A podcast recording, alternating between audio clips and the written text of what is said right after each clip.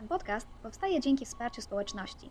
Jeśli chcesz, aby kolejne odcinki Co w tym koszu ukazywały się częściej, zostań moim patronem albo moją matronką na patronite.pl ukośnik na nowo śmieci. Cześć, z tej strony Julia Wizowska. Dla znajomych babka od śmieci. Zapraszam Cię do odsłuchania mojego podcastu Co w tym koszu. Cześć, dzień dobry. Dzisiaj, w dniu premiery tego odcinka, mamy piątek. A tak dokładnie, to czarny piątek. Black Friday. I to bynajmniej nie jest przypadek, że akurat tego dnia wypuszczam w świat ten właśnie odcinek.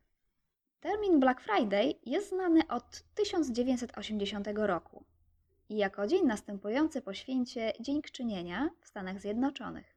Co ciekawe, po raz pierwszy został użyty przez policję, która w ten sposób określiła korki uliczne spowodowane rozpoczęciem sezonu świątecznych zakupów. Jako, że z roku na rok coraz więcej konsumentów wybierało się tego dnia na zakupy, domy towarowe wprowadziły atrakcyjne zniżki, by zwabić jeszcze więcej klientów. Stąd Czarny Piątek to jest dzień, w którym od 2000 roku notuje się największy ruch w sklepach. Również na naszym rodzimym gruncie, bo Black Friday, mimo że narodził się w Stanach, stał się popularny już na całym świecie. I tak na przykład średnia wartość koszyka zakupów dokonanych w 2019 roku podczas Black Friday tylko w internecie wyniosła ponad 225 zł na kupującego. Tak wynika z danych Krajowej Izby Rozliczeniowej. To było 19% więcej niż rok wcześniej. A ja strzelam, że w tym roku padnie kolejny rekord. Choćby ze względu na sytuację pandemiczną, która zakupy ze sklepów stacjonarnych przyniosła do witryn internetowych. Z roku na rok rośnie też liczba sklepów biorących udział w Black Friday. Zniżek udzielają zarówno duże sklepy, międzynarodowe sieciówki, jak i małe lokalne sklepiki. Jeśli chodzi o mój kram, to od początku jego istnienia traktowałam Czarny Piątek jak każdy inny dzień. W tym roku, czyli dzisiaj, również nie planuję żadnych rabatów w związku z tym, że nie popieram konsumpcjonizmu, czyli masowego kupowania dla samej idei kupowania. Promocje w kramie mam bardzo rzadko i zwykle coś za tymi zniżkami stoi. I tak na przykład najbliższa promocja ruszy 1 grudnia z okazji rocznicy wydania książki Nie śmieci, mojego oczka w głowie, organizuję tydzień bezpłatnej dostawy i pokrywam w całości koszty przesyłki książki do Was. Natomiast dzisiaj mam dla Was coś absolutnie bezpłatnie. W ramach przeciwwagi dla zakupowego szaleństwa Black Friday postanowiłam porozmawiać z kimś, kto przybliży kulisy współpracy z wielkim handlem. Moim dzisiejszym gościem jest Paweł Poloch, właściciel lokalnej firmy i dystrybutor ekologicznych towarów. Opowie on nam, jak tak naprawdę wyglądają relacje między małymi dostawcami a hipermarketami i sieciowymi molochami. Przygotujcie się, to co usłyszycie może Was oburzyć. Cześć Paweł. Cześć. Mam taką starą świecką tradycję w podcaście, że goście sami się przedstawiają, bo też uważam, że nikt lepiej nie zna siebie samego od siebie samego. Więc y, jakbyś mógł powiedzieć po prostu parę zdań o sobie, kim jesteś, czym się zajmujesz. Nazywam się Paweł Polok, witam wszystkich. E, Jestem właścicielem Betterland, drogerii ekologicznej i ekodystrybutora. Prowadzę ten interes już od prawie 10 lat, od pomysłu. Z wykształcenia jestem pedagogiem, dlatego troszeczkę inaczej patrzę na ten handel. Właściwie jak zaczynaliśmy zakładać Betterland, to zakładaliśmy od początku z takim dużym poczuciem misji e, i tego, żeby troszeczkę zmienić świat. Handel jest nam bliski, bo go troszeczkę lubimy. Od dziecka gdzieś tam i żona i ja staliśmy na targowisku, sprzedawaliśmy marchewkę, kapustę, sałatę i... A oprócz tego potem każdy z nas pokończył jakieś tam studia. Żona anglistykę i polonistykę, ja- akurat pedagogikę.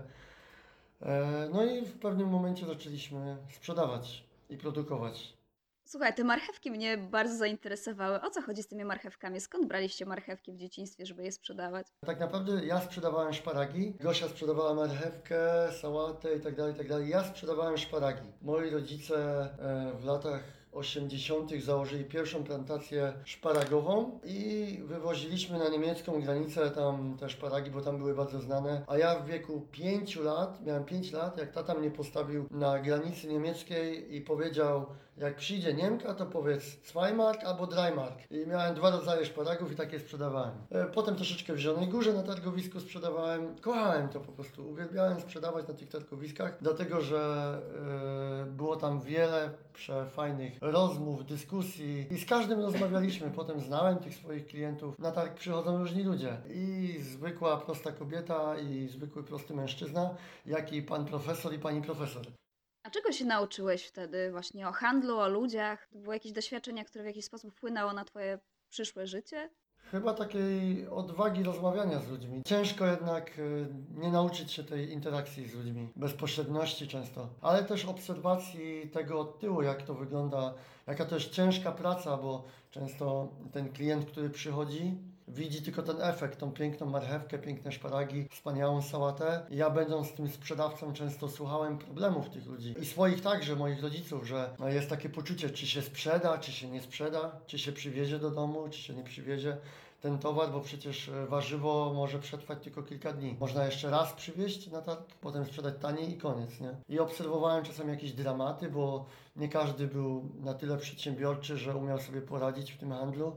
Wiesz co, ja pamiętam jak e, rozmawiałam z rolnikiem, e, z rolnikami właściwie, jak pisałam książkę e, Nie śmieci i rozmawiałam o drodze produktów, drodze takich, wiesz, plonów rolniczych od pola do konsumenta. Dla mnie zaskoczeniem było to, że są różne odmiany właśnie roślin, nie wiem, owoców, warzyw, w zależności od tego, w jaki sposób następnie się sprzeda te produkty. I taką najkrótszą drogą przy odmianach też, które szybciej się psują, ale też które są najsmaczniejsze, które przypominają, wiesz, takie domowe, to jest właśnie krótka droga rolnik, konsument. Jedzie na targ, sprzedaje, już ma po prostu konsumenta po drugiej stronie. Natomiast najdłuższa droga i też między konsumentem i producentem, ale też najdłuższa droga produktów jest wtedy, kiedy się zahacza o supermarket. Wtedy mamy pole, mamy rolnika, który sprzedaje do skupu, który to skup gdzieś tam do magazynu centralnego dużej sieci odsprzedaje, potem ta sieć dysponuje do swoich y, sklepików i tak dalej, i tak dalej. To jest jakby najdłu- najdłuższa droga i też mm, generalnie odmiany są zupełnie inne, potrzebne do tego, żeby one w ogóle wytrzymały tą drogę. Zaglądasz za kulisy właśnie tej dłuższej drogi. Czy mógłbyś to jakoś przybliżyć? Supermarkety są skoncentrowane na tym, żeby e, na zysku, a żeby ten zysk był dobry, e, to musi być pewna powtarzalność. Więc kontraktują na przykład te maliny tylko u jednego, maksymalnie trzech, czterech producentów. Więc żeby jeden producent był w stanie zaopatrzyć wszystkie supermarkety o danej godzinie i minucie, to cała ta produkcja musi być odpowiednio sterowana czy środkami e, chemicznymi, czy jakimś tam nawadnianiem, naświetlaniem i tak dalej. E, Bo przecież supermarkety wszystko co robią opierają o jakieś tam umowy. E, Nawet nie wiemy kiedy, ale weszło słowo produkcja rolnicza. Jest to produkcja, tak? Jak każda inna. No to dajmy na to, że mamy takiego rolnika, który zaopatruje dużą sieć handlową, który, żeby zaopatrywać, żeby dostarczyć tyle produktów, musi przestawić się całkowicie na, no właśnie, uprawę takich malin, powiedzmy. On oprócz malin więcej nic nie robi, on tylko te maliny pcha do przodu. I teraz wyobrażamy sobie sytuację, że zmienił się właśnie kierunek rozwoju w tym e, supermarkecie. Postanowili, że od tego rolnika nie kupują, bo na przykład ktoś zaproponował niższą cenę, inną odmianę. Wystarczy, że się zmieni dyrektor, który ma e, kolegę, e, który ma hodowlę malin. Takie centralne zarządzanie jest bardzo niebezpieczne. Czy kiedyś rolnictwo wyglądało tak, że ktoś się specjalizował w malinach? Bardzo rzadko. Gospodarstwa były kilkuhektarowe i każdy od każdego uczył się różnych warzyw. Tak, żeby rodzina przecież e, mogła się zaopatrzyć na zimę we wszystkie rodzaju warzywa. Od niedawna to rolnictwo się specjalizuje, no bo znowu przeszliśmy na produkcję, tak? Jeżeli jest to produkcja, no to lepiej się specjalizować, bo mamy tylko maszyny do, tylko do tych malin, tak? Znamy się tylko na malinach, nawozy jak kupujemy, to tylko do malin, e, narzędzia jakie mamy, to tylko do malin i tak dalej. Kiedyś wioska była samowystarczalna.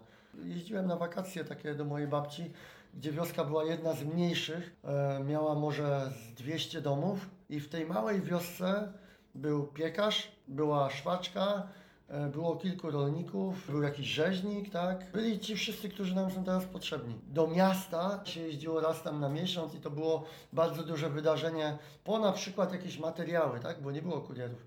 Jechało się po jakiś materiał, mało tego, każdy przecież wiedział dużo wcześniej, że ktoś jedzie do miasta i była robiona lista, co trzeba przywieźć. Dzisiaj supermarkety zaczęły nas kusić tym, że ma być po pierwsze wygodniej, szybciej i taniej. I na początku pamiętam mój pierwszy wyjazd do supermarketu, to był taki argument rodziców, że jedziemy raz na jakiś czas do supermarketu, jak wtedy do tego miasta, bo będzie taniej, szybciej i będzie wygodniej, bo w duży wózek sobie naładujemy i tak dalej. No ale przeanalizujmy to teraz. Czy jest wygodniej? Bo wydaje mi się, że tkwimy w długich kolejkach. Musimy skoczyć po kilku supermarketów, bo zaczęły supermarkety między sobą rywalizować w taki sposób, że robią tak zwane produkty pod własną marką. W Lidlu smakuje nam to, w Biedronce smakuje nam to, a w Tesco smakuje nam to. I to jest celowe działanie, żeby przyciągnąć i przyzwyczaić tego klienta e, tym swoim produktem. Od kuchni, pytasz jak to wygląda od kuchni. Jeżeli jakiś produkt się bardzo dobrze sprzedaje, to sam spotkałem się z tym, że supermarket powiedział do mnie, sieć powiedziała do mnie, że wprowadzą mój produkt do sieci pod warunkiem, że dam im wyłączność. Właśnie dlatego, żeby konkurować, żeby Lidl na przykład konkurował z Carrefourem. I wyłączności są bardzo ważne. Zresztą wystarczy wejść do e, Rossmana, żeby zobaczyć, e, jak bardzo silnie atakują takim sformułowaniem tylko w Rossmanie. Masz kupić to tylko w Rossmanie. Czyli czy jest wygodnie? No nie jest już wygodnie, więc nie jest też szybko. Po pierwsze, żeby dojechać do supermarketu przed świętami, znowu tkwimy w korkach. Znalezienie parkingu graniczyło z cudem przed pandemią. Czy jest tanio? Uważam, że jest znacznie drożej niż wtedy, kiedy te supermarkety wchodziły i stawały się coś na kształt dyskontów. Dzisiaj jest takie sformułowanie tak zwanych los liderów. Supermarkety robią banany, szynkę, jakieś jabłka, ziemniaki ewentualnie, cukier. Robią bardzo duży billboard, który ma przykuwać uwagę ceną i dużą wielkością produktu. I mówią banany 2,39. To jest tak zwany loss leader. E, Czyli przychodzimy po, po banany, ale czy ktoś z nas kie- kiedyś wyszedł tylko z bananami? Kupujemy przy okazji 20 e, czy 100 innych produktów, e, nierzadko opakowanych w tonę plastiku. Ale też słyszę już takie argumenty konsumentów, którzy mówią, że no przecież w takich małych sklepach, czy to w kooperatywie, czy to w sklepach zero waste'owych, czy to nawet takich lokalnych warzywniakach, jest drożej. Ja ostatnio nawet rozmawiałam z sąsiadką, która, my na osiedlu mamy taki warzywniak swój, mały, y, w którym rzeczywiście ceny są wyższe, w sensie takiej ceny jednostkowe. Nie wiem, idziesz po pomidora, no to pomidor kosztuje, nie wiem, 9 zł. Pójdziesz do supermarketu, ten sam pomidor kosztuje 3. Z tym, że jak idziesz do supermarketu, to nie wychodzisz z samym tym jednym pomidorem, bo po drodze mijasz jogurty, mijasz e, mleko, widzisz jeszcze bułki, jeszcze wychodząc ze sklepu widzisz jakiegoś batonika, no to ci oczy też świrują, no to biorę jeszcze batonika. No i wychodzisz już nie z samym pomidorem, który kosztował 3 zł, tylko masz już nawet więcej niż byś wydał idąc do warzywniaka. I to jest jedna rzecz. A druga rzecz też, odkąd prowadzę swoją firmę, doskonale wiem, jakie koszta się kryją za prowadzeniem firmy w Polsce. Czy ym, masz może informacje, jakie koszty się kryją za tymi mniejszymi sklepikami? Ile to trzeba mieć kasy, żeby to prowadzić? No. E, Trzeba mieć dużo. Ja bym w ogóle odwrócił pytanie, dlaczego w sieci jest taniej? Dam Tobie przykład jednej z dużej e, sieci drogerii w Polsce. Nie chcę powiedzieć nazwy, dlatego że zarzut jest bardzo poważny. Sieć ta zrobiła zebranie z głównymi dostawcami i powiedziała, ten produkt, który kupujemy, kupujemy teraz za 10 zł, ma kosztować 7 zł. Zróbcie to jak chcecie, ale ma być to ten sam produkt, ale ma kosztować 7. Co zrobili ci producenci? Zrobili, żeby był tańszy. Jak zrobili, składniki czynne poszły po prostu w dół. I nadal mamy certyfikowany, ekologiczny produkt, ale ja wymyśliłem taką nazwę, tak zwany skład marketingowy. Produkt nadal ma certyfikat, bo składniki jako takie się nie zmieniły, ale ich kolejność znacząco się zmieniła. Składnik czynny, ten, który ma wpływ, jest ostatni, przedostatni. Dlatego jest taniej, ale jest to tylko pozorne taniej. To po pierwsze. Po drugie, sieci kupują taniej. Niestety małe lokalne sklepy, nie rozumiem dlaczego i walczę z producentami, tłumaczę im to, że popełniają strategiczny błąd bo e, negocjatorzy sieci wymuszają i obiecują góry e, tym e, producentom, jeżeli wejdą we współpracę, bo oczywiście sieć zamawia 20 tirów od razu, a mały lokalny sklep zamawia za 300 zł. Producent mówi tak, jak ty zamawiasz za 300 zł, to ja ci tego pomidora sprzedam za 6 zł za kilo. No ale jeżeli przychodzi hipermarket, no to y, ten sam producent sprzedaje tego samego pomidora za dużo, dużo taniej. Dlatego sieci sprzedają taniej, bo mają też do tego wyspecjalizowanych negocjatorów. Osobiście też miałem taką przyjemność z jednej z sieci. Z racji tego, że jestem pedagogiem, wychwyciłem pewne takie mechanizmy szantażu i marchewka, i kij były ze strony tej pani kupiec stosowane, bo były wielkie obietnice, tak, ile to my nie kupimy, jak marka zacznie być rozpoznawalna, tylko ona musi mieć 50% marży. Tak, y, jeżeli masz jakiegoś kolegę, koleżankę, kto jest jakimś wytwórcą, który sprzedaje do supermarketu, to zapytajcie, jakie marże chce supermarket. Są to ogromne marże. Dlatego, jeżeli jest wyprzedaż 2 plus 1, to nadal supermarket na, niej zarabia. I mały sklep, który kupuje z marżą 15-25% nie ma żadnych szans. To jest ciekawe w ogóle a propos tych marsz, wiesz, bo mi się przypomniała ta historia, którą gdzieś tam już opowiadałam kiedyś, e, e, że, e, bo Nie śmiecie to nie jest moja pierwsza książka, ja już wcześniej miałam książki, tylko że wydawane z tradycyjnym wydawcą, wiesz, z taką tradycyjną dystrybucją i pamiętam, że w przypadku jednej z tych książek ja się zwróciłam do wydawcy, żebym mogła sprzedawać u siebie w kramie.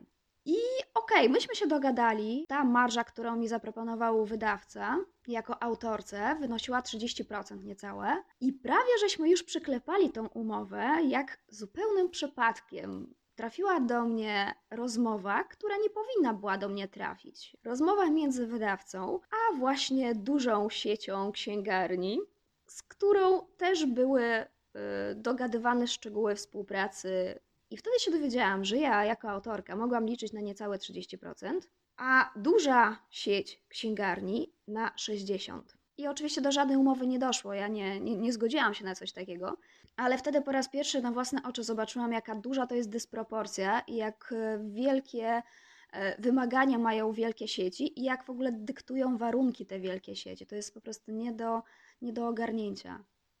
Dlatego ja często zachęcam do tego, żeby jednak kupować w tych lokalnych sklepach. Lokalne sklepy dbają o nas. Wyobraź sobie, że zabraknie Ci 5 zł do, do zakupów. W sklepie, w którym mieszkasz y, dwie ulice dalej, ale kupujesz codziennie. Jak myślisz, jak się zachowa ta ekspedientka? Bo w 90% powie, Pani przyniesie jutro, tak? To jest naturalne. Mało tego, ja pamiętam jak moja babcia szła do sklepu na wsi, to czekałem jak wróci na dwie rzeczy. Po pierwsze na te świeże bułki, na to co kupi, a po drugie na opowieść o tym, co słychać na wsi. Przychodziła z różnymi informacjami, że ta i ta jest w ciąży, ten i ten y, się uderzył w palec, ten i ten umarł, tego i tego okradli. To była lokalna gazeta, ten sklep. Ludzie o siebie dbali. I często babcia przychodziła ze sklepu i zmieniała plany dnia, bo trzeba było komuś pójść popilnować dziecko, bo zachorował. A jednak człowiek to jest zwierzę społeczne. Rzadko kiedy mamy do czynienia ze strajkiem przeciwko kolejnemu supermarketowi, bo często pada taki argument, że to są nowe miejsca pracy, kiedy powstaje supermarket. W supermarkecie zatrudnionych jest od 5 do 10, może 15 osób, ale kiedy powstaje jeden supermarket, ginie w promieniu 2 do 5 km około 5 do 10 małych sklepików. Teraz pomnóżmy sobie, że jeden mały sklepik to jest zarobki dla 5 dla 10 osób. Gdzieś miałem takie fajne dane, że 670 sklepów Lidla zatrudnia obecnie 18 tysięcy osób w Polsce. 670 sklepów zatrudnia 18 tysięcy. Ja szybko sobie policzyłem, ile by zatrudniało, gdyby nie wyginęły małe sklepy. Uwaga, 33 500. Ale to jest tylko tych, którzy prowadzą sklepy. A teraz idźmy dalej, bo nie tylko tracą pracę ci, którzy mieli sklepik, tracą też lokalne małe firmy, y, mali producenci, bo jeżeli ginie x sklepów w województwie wielkopolskim, to jakaś mała mleczarnia, jakiś mały stolarz, jakiś mały rolnik Nie ma gdzie tych pomidorów, mebli, szynki zawozić do małego sklepiku. Ci mali producenci też giną, a mała fabryczka też zatrudnia od 10 do 15 osób. Ja ostatnio sobie liczyłem, ile moja firma zatrudnia osób. Oprócz tego, że zatrudnia około 17 osób na etat, około 6 osób na umowę zlecenie. To są osoby po całym y, kraju gdzieś tam rozmieszczone. To oprócz tego mamy firmę, która nas obsługuje informatyczną. Każdy mały sklepik też tak ma, bo wszędzie gdzieś jest jakiś monitoring, jakiś, sieć, jak, jakiś komputer się zepsuje, tak? I policzyłem, że moja firma daje pracę około 50 osobom. Gdybyśmy jeszcze dodali pracowników wszystkich producentów, które są e, u mnie w sklepie, to to są już dziesiątki tysięcy pracowników. A powiedz mi, bo zawodowo też masz kontakt z małymi sklepami, sklepami zero waste'owymi, ekologicznymi i tak dalej. Jak oceniasz kondycję już generalnie na przestrzeni lat, jak to się rozwija? No Bo czy mamy szansę na to, żeby tych sklepików było więcej? Sklepy małe, ekologiczne zrobiły ogromną, ciężką pracę. To oni razem z osobami takimi jak ty, czyli blogerkami, autorkami i autorami książek, stworzyły pewną modę na produkty zero waste. Zbudowały pewną świadomość społeczną. Ale niestety te małe sklepy, które stworzyły jakby ten trend dla tych hipermarketów, one się będą zamykały i nie dziwota, że będą miały coraz drożej, no bo jak mają zapłacić e, czynsz 3000 zł za nieruchomość, bo to jest minimalny czynsz, e, nie mówiąc o czynszach w galeriach. Czynsz w galerii to minimum 6000 zł plus 2-3% od obrotu dla właściciela. To ile trzeba dziennie sprzedać, żeby w ogóle coś zarobić, żeby opłacić pracowników? Nie tak jak upadł jeden z sklepów dwa tygodnie temu w Poznaniu, sklep się nazywa Biore. Jeden z dwóch sklepów musiał się zamknąć. Przecież problemy finansowe ma obecnie Kooperatywa dobrze, bo supermarkety odbierają im klientów. W bliskim sąsiedztwie kooperatywy dobrze otworzył się sklep BioCarrefour. I czy to jest przypadek? Ja osobiście nie wierzę w przypadki. Ogromne sieci dysponują ogromnymi zasobami analitycznymi. Znam e, taką metodologię polegającą na tym, że się zatrudnia osobę na umowę zlecenie, by siedziała w samochodzie przed sklepem konkurencji i liczyła ilość osób, które wejdzie do sklepu i wyjdzie. Czyli tak zwane liczenie paragonów. I e, są dokładne dane wyliczenia, ile musi być paragonów, by otworzyć sklep naprzeciwko. Rozmawiałem jakiś czas temu na takim dużym forum branży FMCG. Branża FMCG to jest branża właśnie produktów szybko sprzedających się, czyli te wszystkie stacje benzynowe, żabki i supermarkety. I tam spotkałem osoby, które pracowały w firmach, które robią statystyki i badania opinii publicznej. Dlaczego tam właśnie na takim forum się tam pojawiły takie firmy? Dlatego, że te firmy są bardzo często wynajmowane przez sieci. Otóż prezesi są zapros- zapraszani przez te e, firmy na tak zwany lunch analityczny i na tym lunchu sobie jedzą obiadek, a dziewczyny prezentują, jakie będą w przyszłości największe trendy. I w 2018 tą rozmowę prowadziłem z tymi dziewczynami i w 2018 roku przedstawiały, e, że e, trendem najbardziej zyskującym będzie zero waste. Więc mamy teraz odpowiedź w supermarketach, w Carrefourze, Lidlu są oczywiście e, produkty zero waste'owe. Tak samo było z produktami wegańskimi, tak? Supermarkety mają dostęp do bardzo dużych, pogłębionych badań i one są skrojone idealnie na, na to, żeby, żeby tą ofertę e, robić taką, która przyciągnie klienta. Czy to jest złe, że supermarkety wprowadzają tego typu produkty? No bo wiesz, można powiedzieć, że em, pójdziemy sobie do najbliższego sklepu, do najbliższego supermarketu i przy okazji możemy sobie kupić warzywa na wagę, bo przecież w alejkach są bez opakowań. Podejdziemy sobie do jakiejś półki, przy których, e, na której są produkty z kończącą się datą ważności i, wiesz, wielkim napisem zero waste, no ale okej, no przecież możemy przejść nad tym do porządku dziennego, bo wszyscy działamy w słusznej sprawie, wszyscy jesteśmy zero waste i chyba to jest w porządku, czy nie? Obowiązek etyczny, żeby te supermarkety, które już są, już istnieją, zrobiły, robiły wszystko każdego dnia, by być bardziej zero waste. A mają ku temu naprawdę narzędzia o stokroć większe niż malutki sklepik e, na moim osiedlu. Budżet małego osiedlo, osiedlowego sklepu to jest kilkaset złotych do kilku tysięcy złotych. I kreatywność, czyli to na co wpadną. Budżety wielkich korpora korporacji są milionowe. Te wszystkie zyski są transferowane do centrali e, i do ich e, właścicieli i rozdysponowywane na garstkę osób. Oczywiście e, sieci muszą pokazywać, że coś robią, tak? Ja uważam, że te działania są nieproporcjonalne po prostu do ich możliwości. Nie ma niestety rozwiązań ustawowych i hipermarkety nigdy same się za to nie wezmą, dopóki nie będzie ustawowych rozwiązań. Jednym z nich, to jest akurat dobra wiadomość, ale niestety za kilka lat dopiero nowe budynki, które będą budowane użyteczności publicznej i tak dalej, tak dalej, będą miały w obowiązku mieć panele słoneczne. Wierzę w to, że w obowiązku kiedyś będzie zbieranie wody desz- deszczowej. Bo zobaczcie, jeżeli hipermarket się buduje, to cechą specyficzną jest to, że parking jest dwa razy większy niż ten supermarket.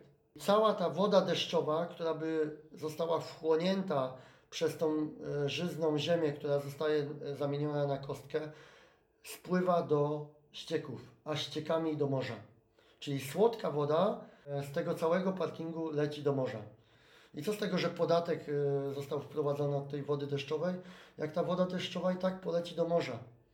I to już jest nieodwracalne, nikt ten, tej wody nie odzyska.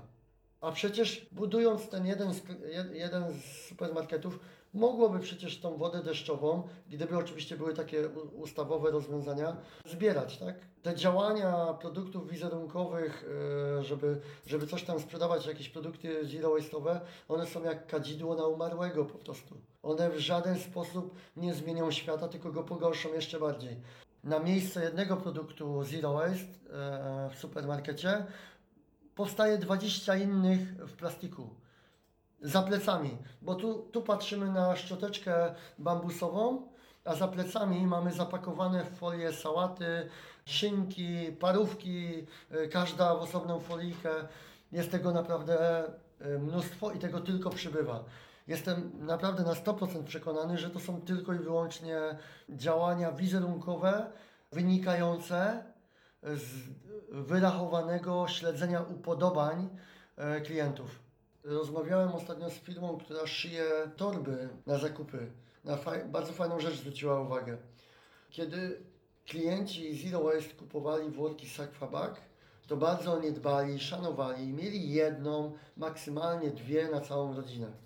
Kiedy sieci wprowadziły trzy razy tańsze, to co się okazało? Że tak naprawdę wielorazowe worki stały się jednorazowymi. I każdy ma ich 10. Gubi je po prostu, nie szanuje ich tak, jakby wydał na nie troszeczkę więcej.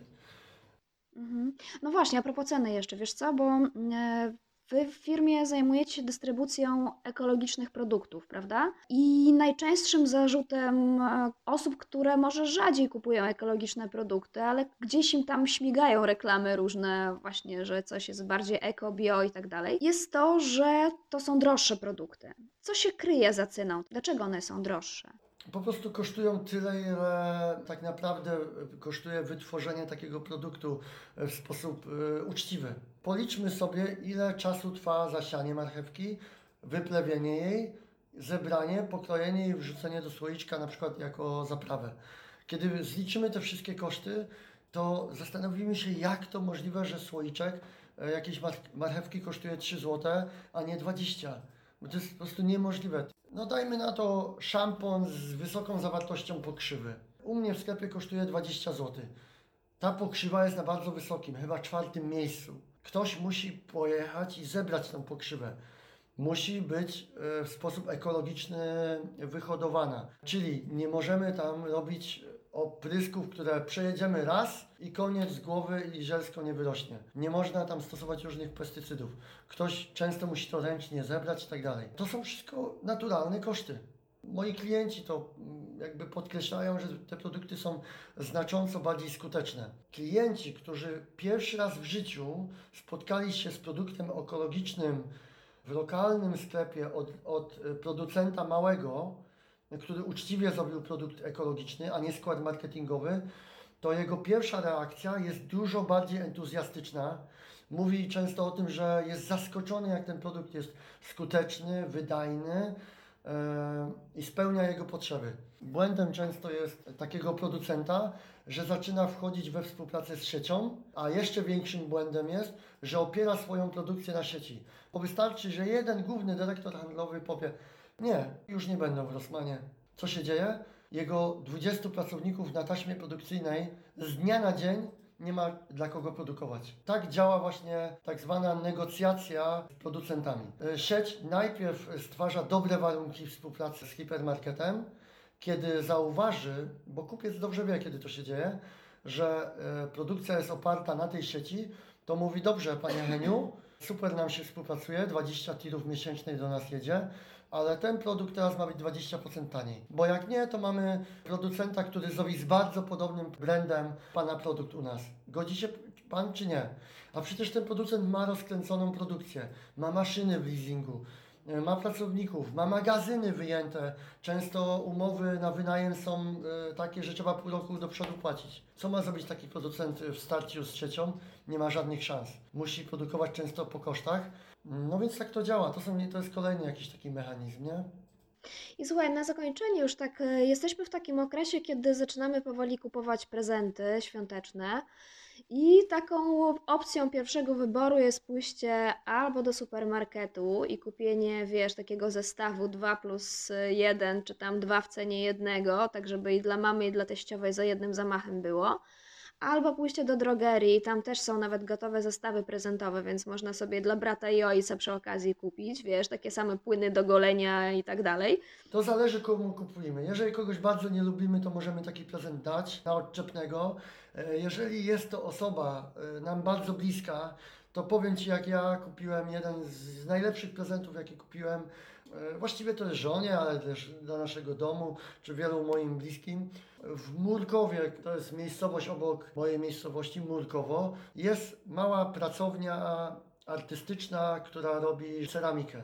I kupiłem takie kubeczki, wielki talerz na owoce. Przepiękny talerz, piękna ceramika. E, i Ja wiem, że to kupiłem od Kasi, która jest artystą i, i też pedagogiem, prowadzi takie zajęcia waldorskie. Mógłbym o Kasi bardzo dużo mówić. I dzisiaj, kiedy biorę banana z tego talerza, to od razu mam dużo pozytywnych uczuć i emocji, więc życzę wszystkim, by zrobili na te święta prawdziwe po prostu prezenty ludziom, które będą nam codziennie przez cały rok przypominać, od kogo mamy ten prezent, od jakiego właściciela. Bo ten zestaw Nivea, tak, nie wierzę, żeby ktoś, kto wejdzie do łazienki, pamiętał skąd to się znalazło w tej łazience po dwóch miesiącach. Ostatnio tak sobie się zastanawiałem. Było święto wszystkich świętych i zaduszki. Taka refleksja, że, że co po nas zostaje. Kiedy jesteśmy na tym cmentarzu, to mówimy, że zostają po nas przedmioty, wybudowane domy, jakieś nieruchomości lub idee. Książki na przykład. Napisałaś książkę i myślę, że ta książka bardzo długo po tobie zostanie. Także to jest świetny w ogóle prezent dla kogoś. Kupić komuś książkę osoby, której się zna, e, której się kliknęło na blogu e, czy na Facebooku, lubię to, albo nawet dało się negatywny komentarz, z którą się dyskutowało na blogu. Będziemy zawsze tą książkę u siebie na półce rozpoznawać. Także takie prezenty róbmy, które przy choince też będziemy mogli opowiedzieć o tym prezencie. Co opowiemy o kremie Nivea? Prezenty rob- robione samemu to też jest ogromna wartość, która no, sprawi naprawdę komuś e, ogromną radość po prostu, nie? Bardzo serdecznie Ci dziękuję za rozmowę, Paweł. Również było miło. To trzymaj się, pozdrawiam Cię serdecznie. To był Paweł Poloch, właściciel drogerii ekologicznej Betterland i dystrybutor ekologicznych towarów. Mam nadzieję, że nasza rozmowa pozwoliła Wam choć trochę zrozumieć, jak wyglądają realia współpracy z wielkimi sieciami handlowymi i choć trochę otworzyło oczy i może, mam taką nieśmiałą nadzieję, zachęciło do wsparcia lokalnych producentów, loka lokalnych rolników, lokalnych wytwórców, no i rzemieślników, którzy działają gdzieś po sąsiedzku. Oczywiście praca nad tym odcinkiem była możliwa dzięki wsparciu moich matronek i moich patronów. Mówiłam to już nieraz, ale powtórzę się, to właśnie dzięki Wam powstaje ten podcast. Dziękuję Wam z całego serca. A jeśli ktoś z Was chciałby dołączyć do grona patronów i wesprzeć mnie w tym, co robię, to zapraszam na patronite.pl ukośnik na nowo śmieci. Oczywiście zachęcam Was również do obserwowania moich profili na Instagramie i Facebooku, gdzie działam pod nazwą Na Nowo Śmieci i dzielę się informacjami o ograniczaniu, poprawnej segregacji i recyklingu odpadów, a także opowiadam o stylu życia Zero Waste. Jeśli ten odcinek wydał Wam się interesujący i przydatny, Oczywiście nie wahajcie się go udostępnić. A żeby nie przegapić kolejnych, zachęcam do subskrybowania moich kanałów podcastowych. Na YouTube to na nowo śmieci, a w aplikacjach podcastowych co w tym koszu? Od nazwy tego podcastu. A tymczasem do usłyszenia, do zobaczenia. To była Wasza babka od śmieci. Pa, pa!